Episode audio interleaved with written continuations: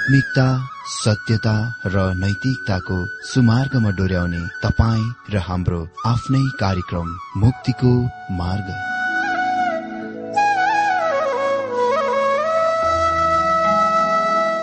आदरणीय श्रोता यस मुक्तिको मार्ग कार्यक्रममा हार्दिक स्वागत छ। आशा छ यस आत्मिक कार्यक्रमद्वारा जीवनमा आत्मिक आशिष अलौकिक शान्ति र आनन्द प्राप्त गर्नुहुनेछ। र जीवनमा धन्य अनुभव गर्नुहुनेछ। आउनुहोस् श्रोता। मन र आत्माको तयारीको लागि यो मिठो अनि मधुर भजन गीत सुनौ।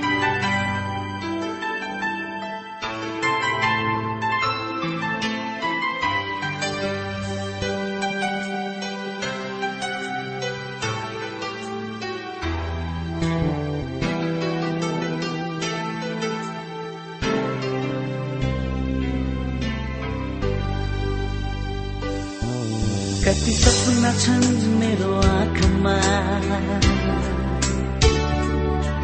कति चाहना छन् मेरो मनमा। कति सपना छन् मेरो आँखामा। कति चाहना छन् मेरो मनमा।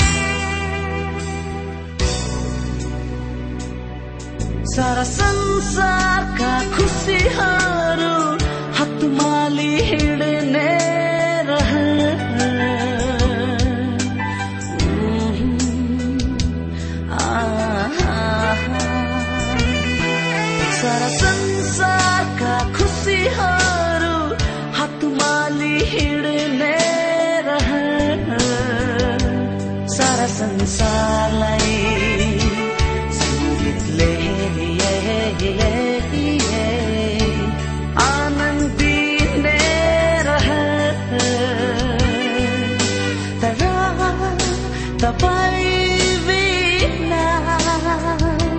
सबै सङ्गीतहरू अधुरो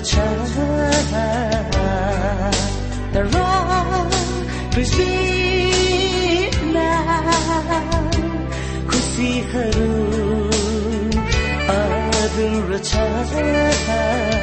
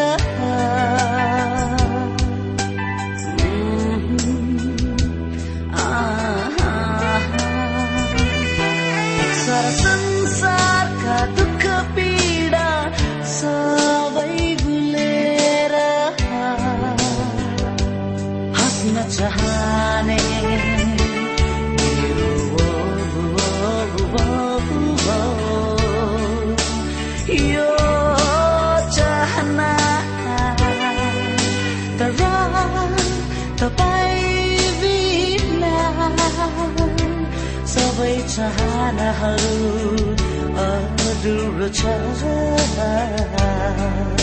तर तपाईँ बिना सबै जीवनहरू अधुरो छ।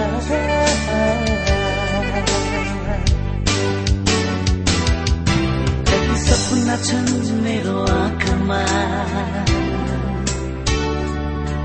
कति चाहना छन् मेरो मनमा। कति सपना छन् मेरो आँखामा कति चाहना छन् मेरो मनमा।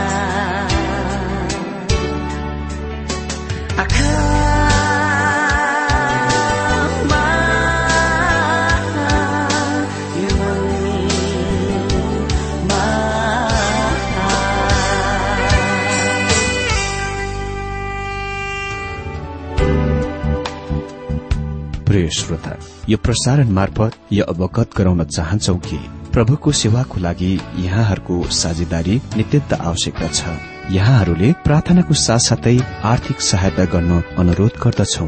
तपाईँहरूको सानो भन्दा सानो भेटी किन नहोस्? हामी प्रभुको नाममा स्वीकार गर्नेछौ प्रभुको सेवाको लागि। तपाईँहरूको यो सानो लगानीले कसैको जीवनमा भिन्नता ल्याउँछ अनि प्रभुको महिमा हुन्छ। प्रभु तपाईँहरूलाई महान गरी आशिष दिनुहुनेछ।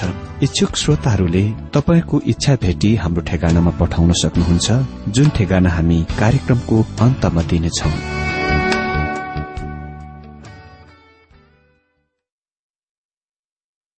मित्र आज पनि तपाईँ सबैलाई मेरो प्यार भरा नमस्कार अनि यो बाइबलमा हार्दिक स्वागत छ।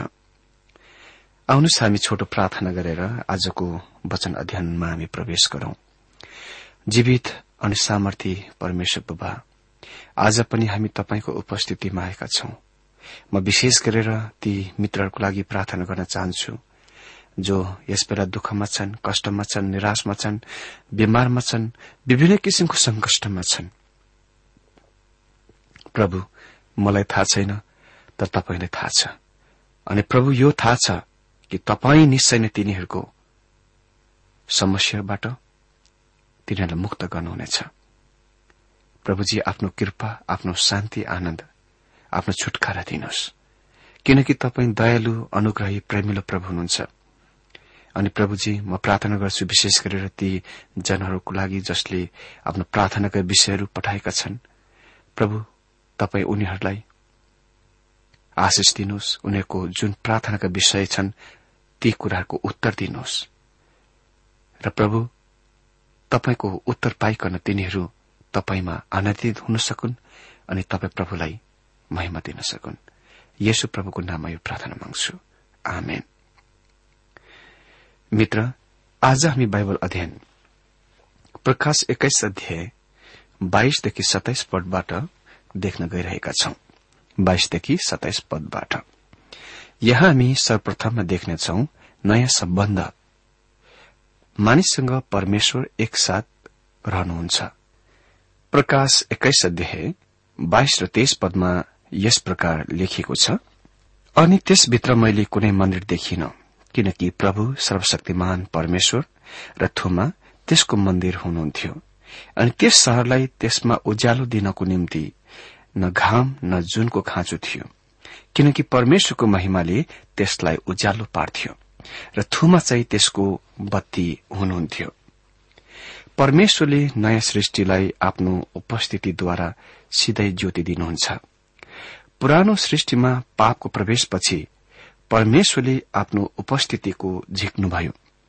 र उत्पत्ति एक अध्याय दुई पद अनुसार अन्धकारले पूरा संसार पृथ्वीलाई ढाकेको थियो। त्यसपछि परमेश्वरले आफ्नो ब्रह्माण्डमा भौतिक प्राकृतिक ज्योतिहरूको प्रयोग गर्नुभयो। उहाँले तिनीहरू हामीले सड़कहरूमा आँगनहरूमा र घरहरूमा बिजुली बल्बहरू ट्यूबलाइटहरू लगाए चाहिँ लगाउनुभयो। तर नयाँ सृष्टिमा पाप हटाइएको छ। उहाँ फेरि ज्योतिको स्रोत बन्नुहुन्छ। आज प्रभु येशु ख्रिष्ट आत्मिक अर्थमा भावमा संसारको ज्योति हुनुहुन्छ।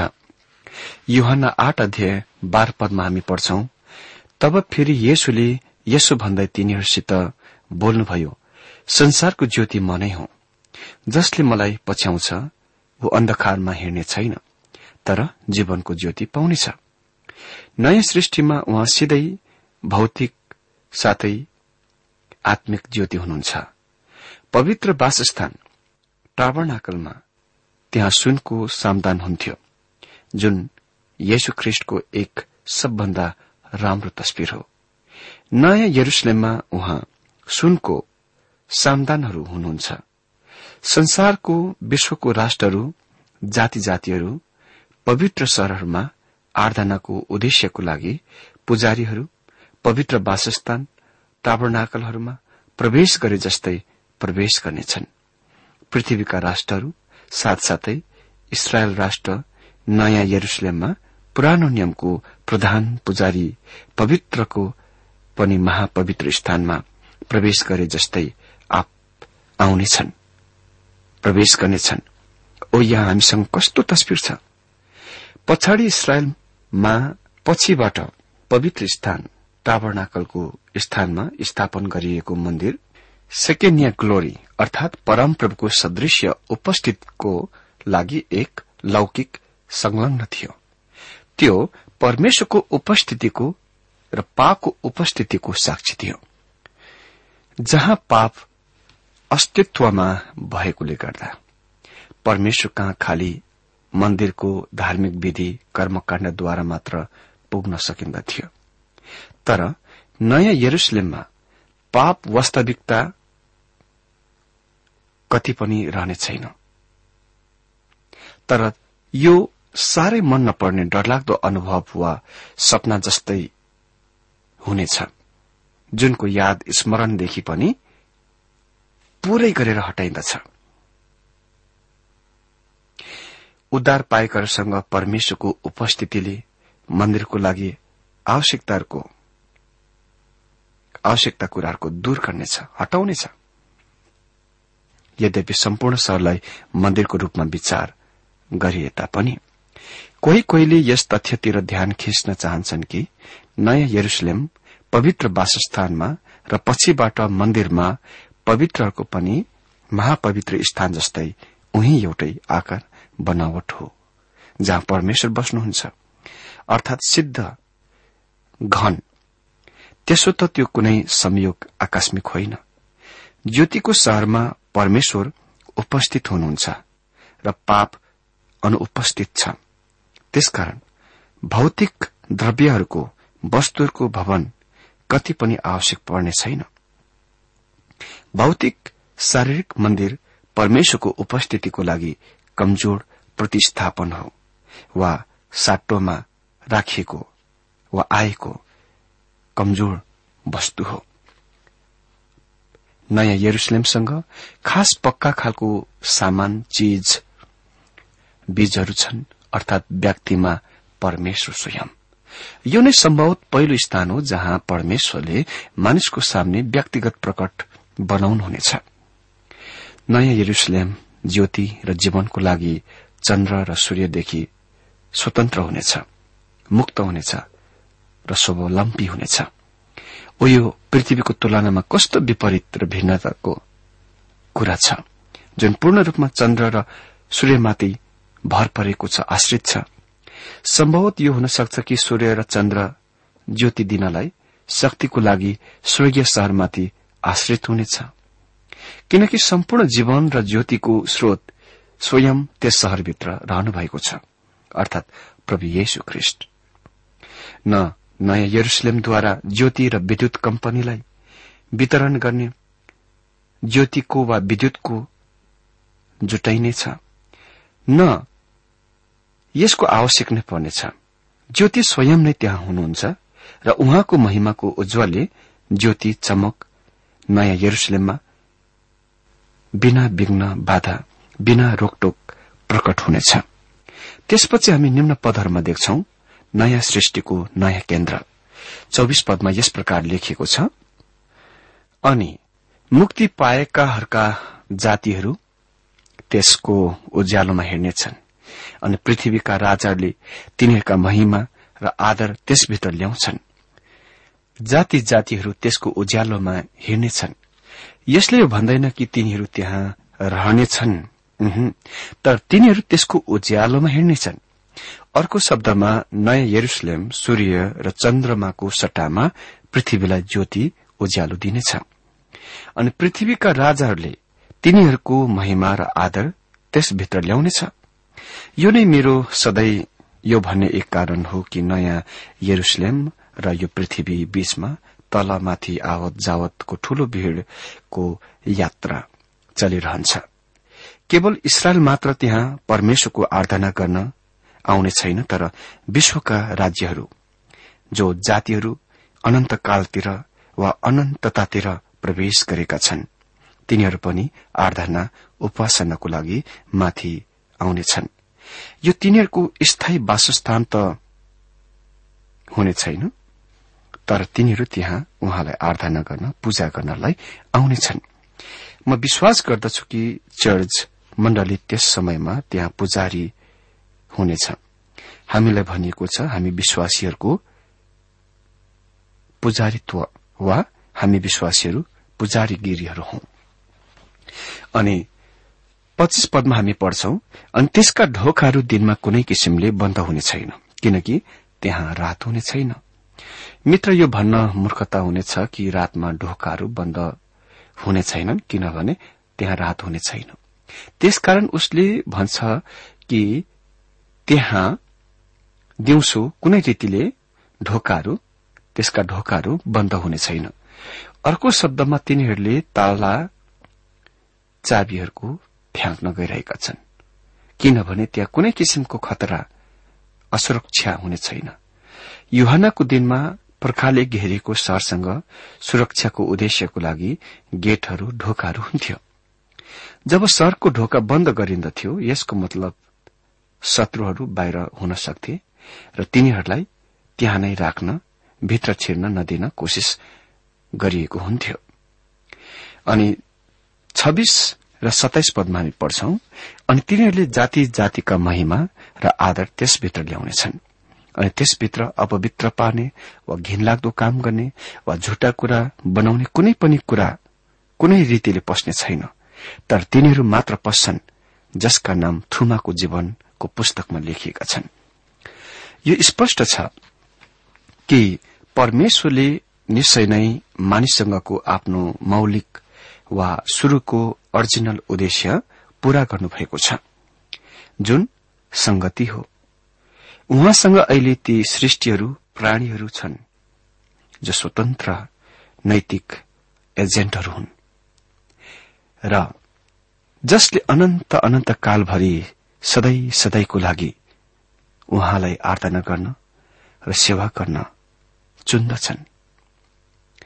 त्यहाँ रात हुन सक्दैन। किनभने थुमा स्वयं ज्योति हुनुहुन्छ र उहाँ अनन्तकालभरि नित्य त्यहाँ उपस्थित हुनुहुन्छ र त्यहाँ रात हुने अन्धकार हुने कुनै सवालै छैन। यी ढोकाहरू सुरक्षाको लागि छैनन् मित्र। तर तिनीहरू कहिले बन्द गरिने पनि छैनन्। बरु तिनीहरू दुल्लीको बाहुलीको कोट वा बेज हुन्। यो कुराको ध्यान दिनुहोस् यी ढोकाहरू मोतीका वा मोतीले बनेका छन्। ठूलो मृत्युको मोती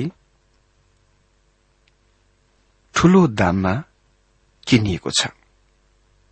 मती तेह्र देह पैंतालिस र छ्यालिस पदमा प्रभु येशुले दृष्टान्त दिनुभयो मोती ख्रिष्ट होइन जसलाई पापीले किन्छ। ख्रिष्टको लागि तिर्ने वा किन्ने पापीसँग के कुरा छ र? उसँग कुनै त्यस्तो कुरा छैन जुन उसले दाम तिर्न सक्छ वा किन्न सक्छ। तर त्यस मोतीलाई किन्ने व्यापारी चाहिँ प्रभु येशु ख्रिष्ट हुनुहुन्थ्यो। अनि मोती चाहिँ दुल्ही हुन् जुन चर्च वा मण्डली हो। हामी विश्वासीहरू हौ। प्रभु येशुले आफ्नो मोती किन्नलाई ठूलो दाम किमत चुकाउनुभयो। यो मोती उहाँको कोखाबाट बनेको थियो। कसैले भनेका छन् भालाले रोपेको घाउ चोटबाट भएर म ख्रिष्टको हृदयमा प्रवेश गरे। मित्र उहाँ हाम्रो पाप अधर्महरूको निम्ति घायल गरिनुभयो अनि मारिनुभयो। केवल हाम्रो लागि उहाँले आफ्नो प्राण दिनुभयो। केवल हाम्रो लागि। उहाँले तपाईँ र मेरो लागि असहनीय दर्दनीय पीड़ा कष्ट दुःख अपमान यतिसम्म कि मृत्यु पनि भोग्नुभयो। किन? केवल तपाईँ र मलाई आफ्नो खुनद्वारा किन्नलाई। अनि उहाँले आफ्नो अमूल्य खुनले हामी प्रत्येक विश्वासीहरूलाई पापबाट किन्नु भएको छ। हामी उहाँको मोती हौ। चर्च मण्डली ठूलो दाम उहाँले लगाएर किन्नुभएको मोती हो। चर्च अनन्त अनन्त कालभरि सधैँभरि उहाँको अनुग्रहको प्रदर्शनको लागि हुनेछ। अन्य परमेश्वरद्वारा सृष्टि गरिएको स्वर्गीय दूतहरूको सामने यो एफिसी दुईको सात पद अनुसार ख्रिस्ट येशुमा हामी तर्फ भएको उहाँको दयाद्वारा पछि आउने युगहरूमा उहाँको अपार धन देखाउनको निम्ति हुनेछ। अर्को शब्दमा अनन्ततामा अनन्तकालमा तपाईँ र म त्यहाँ प्रदर्शनीमा हुनेछौ। दर्शकहरू ती स्वर्गीय प्राणीहरू स्वर्गीय सृष्टिहरू स्वर्गीय दूतहरू हुनेछन्। तिनीहरूले मतिर हेरेर भन्लान् के त्यस फुच्चे मान्छेलाई देख्छौ? ऊ त्यहाँनिर त्यो नर्कको योग्य थियो। अनि प्रभु येशु त्यसको निम्ति मर्नुभयो र ठूलो ठूलो दाम तिर्नुभयो। अति नै ठूलो। त्यसले ख्रिस्टमा विश्वास र भरोसा गर्यो। त्यसले दिन सक्ने कुरा बस त्यति मात्र थियो। अनि अहिले प्रभु येशुले तिनको निम्ति के गर्नुभएको छ त्यो हेर त। उहाँले त्यसलाई स्वर्गीयको लागि फिट बनाउनु भयो योग्य बनाउनु भयो र प्रियमा उसलाई ग्रहण योग्य बनाउनु भयो।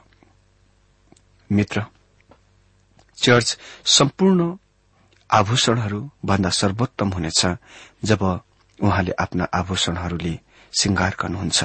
मलाकी तीन अध्यय सत्र अठार पद अनुसार। जब उहाँले आफ्ना आभूषणहरू गरगहनाहरू श्रृंगारहरू बनाउनुहुन्छ चर्च प्रदर्शनीमा प्रदर्शित हुन गइरहेको छ। यो नै कारण नयाँ यरुसलेम नयाँ आकाशहरू र नयाँ पृथ्वीहरूको केन्द्र हुनेछ। नयाँ यरुसलेम नयाँ आकाश र नयाँ पृथ्वीको केन्द्र स्थान हुनेछ।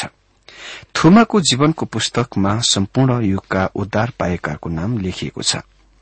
ख्रिष्टको रगतद्वारा उद्धार नगरिएका उद्धार नभएकाहरू कोही पनि नयाँ यरुसलेममा प्रवेश गर्ने छैन। बिल्कुल असम्भव छ त्यस्ताहरूका लागि। उद्धार पाएकाहरू र पापमा निन्दित र गुम भएकाहरूको बीच विशाल खाड़ी तोकिएको छ स्थित गरिएको छ। उद्धार पाएकाहरूको हृदयहरूलाई पक्रने सबभन्दा महान आनन्द हर्ष अनन्तकालको लागि ख्रिष्टको उपस्थितिमा रहन पाउनु हो। उहाँले भन्नुभयो जहाँ म छु त्यहाँ तिनीहरू पनि हुनेछन्। मित्र उहाँसँग हुनु नै मेरो निम्ति स्वर्गीय हो। प्रकाश सम्पूर्ण येशु ख्रिष्टको बारेमा छ। उहाँ परमेश्वरको ब्रह्माण्डको सेन्टर पीस हुनुहुन्छ। हाम्रो ध्यान पहिले यस तथ्यतिर निर्दिष्ट भइसकेको छ कि इसरायलका उद्धार पाएका बाँकी बचेका प्रभुका जनहरू नियमित रूपमा परमेश्वरको शरमा आवत जावत गर्दछन्। पद चौबिसमा अर्को झुनको पहिचान गरिएको छ जो त्यस शहरमा आफ्ना महिमा र आदर सम्मान ल्याउन आउँदछन्। तिनीहरू उद्धार पाएका अन्य जाति राष्ट्रहरू हुन्। जुनले इसरायलसँगै अनन्तकालभरि पृथ्वीमा स्थान ओगट्नेछन्। यी राष्ट्रहरू इसरायल जस्तै चर्चका होइनन्। चर्चसँग सम्बन्धित छैनन्। किनकि तिनीहरू पृथ्वीबाट चर्च स्वर्गीय यात्रामा उठाइसकिएपछि उठाइ लगिएपछि वा अस्तित्वमा चर्च अस्तित्वमा आउन भन्दा पहिले नै वा पछिबाट उद्धार पाएका छन्। तिनीहरू यस शहरमा दर्शनार्थीको रूपमा आउँदछन्। तिनीहरू आराधकको रूपमा आउनेछन्। हिब्रू अध्यय बाइस पदमा हामीलाई भनिएको छ त्यहाँ स्वर्गीय दूतका असंख्य झुनहरू पनि उपस्थित हुनेछन्। स्वभाव चरित्रमा त्यो सहर सम्पूर्ण देशका मानिसहरू हुने सहर हुनेछ। सम्पूर्ण राष्ट्रियका मानिसहरू त्यहाँ भेट्नेछन्। स्वर्गीय प्राणीहरू स्वर्गीय दूतहरू पनि नयाँ यरुसलेमका सड़कहरूमा हिँडुल गरेको पाइनेछ। हजारौं हजारौंका भीड़मा एकजना पनि अशुद्ध अपवित्र पाप ल्याइने छैन। एकजनाले पनि ल्याउने छैन। वा त्यस्तो भ्रष्टता दुष्टता अधार्मिकता अनैतिकता कुरा त्यहाँ कसैसँग हुने छैन। त्यसको कल्पना पनि हुँदैन। ओ यो सर अरू त के अदनको बगैँचा भन्दा पनि अधिक धेरै उक्तम सर्वश्रेष्ठ छ जहाँ शैतानको झुटले पापको लागि प्रवेशद्वार पाएथ्यो कुनै झुट कुनै छल स्वर्गीय यरुसलेममा प्रवेश पाउने छैन। सम्पूर्ण त्यहाँका विश्वासीहरू जो निवासीहरू हुन् पर्यटकहरू दर्शनार्थीहरू केवल पापबाट उद्धार मात्र पाएका छैनन् तर उही समयमा तिनीहरूले पापको स्वाद गुमाएका छन्। हराएको छ। तिनीहरूलाई थाहा छैन कि त्यो कस्तो टेस्टको हुन्छ। सधैँको लागि तिनीहरूले त्यो पापको स्वाद गुमाएका छन्। तिनीहरू ती ढोकाहरूबाट आउनेछन् जुन कहिले बन्द हुने छैन। यो महिमित सरको आनन्द भोग हर्ष खुशी केवल चर्चहरूसँग मात्र सीमित छैन। यद्यपि खालि तिनीहरू मात्र त्यहाँ खास रहनेहरू वा निवासीहरू भए तापनि यो सबैको लागि हुनेछ। ओ मित्र यो कस्तो तस्विर कति पर्याप्त रूपमा मैले यससँग व्यवहार गरेको छु। ओ यदि तपाईँ र म माथि आँखा उठाउन सके ताकि हामी त्यस शहरको महिमाको झलक र त्यसको महिमाको सान जो त्यसको मुख्य श्रृंगार पटार प्रभु येशु ख्रिष्ट हुनुहुन्छ र उहाँसँगै पूरा अनन्तभरि हुन पाउने अवसरको महिमित प्रत्याशाको झलक मात्र देख्न सके। ओ यससँग तुलना गर्ने केही कुरा छैन संसारमा। यो अद्भुत छ। मित्र यो स्थान तपाईँ र मेरो निम्ति हो। यहाँ नै तपाईँ र मेरो अनन्त अनन्त वासस्थान हुनेछ। त्यहाँ नै हामी विश्वासीहरू गइरहेका छौं। के यो आनन्दको कुरा होइन र? प्रभु तपाईँ सबैलाई आफ्नो वचन अध्ययनद्वारा धेरै धेरै आशिष दिउन्।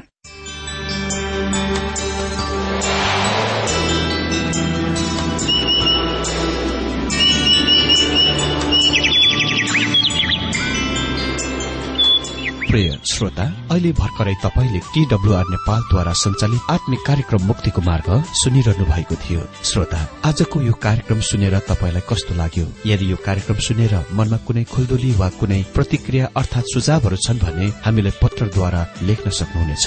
हामी हृदयदेखि नै स्वागत गर्नेछौ स्वीकार गर्नेछौ साथै बाइबल सम्बन्धित प्रचारहरू कार्यक्रम सारणीहरू हामी अनुरोधमा पठाउन सक्छौ। अनि तपाईँसँग कुनै प्रार्थनाको विषय छन् भने हामीले तपाईँको लागि प्रार्थना गरेको चाहनुहुन्छ। भने प्रभुमा आफ्नै परिवार सम्झेर हामीलाई पत्रमा लेख्न सक्नुहुनेछ।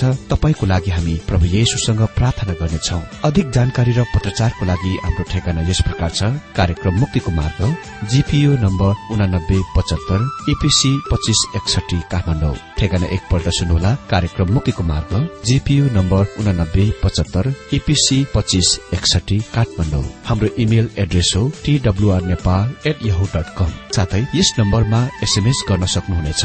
अन्ठानब्बे चार सत्तरी पैंतिस छ सय उनासी नौ आठ चार सात जिरो तीन पाँच छ सात नौ। हुन्छ श्रोता आजलाई हामी विदा चाहन्छौ। अर्को कार्यक्रममा हामी पुनः भेट्नेछौ तबसम्मलाई नमस्कार।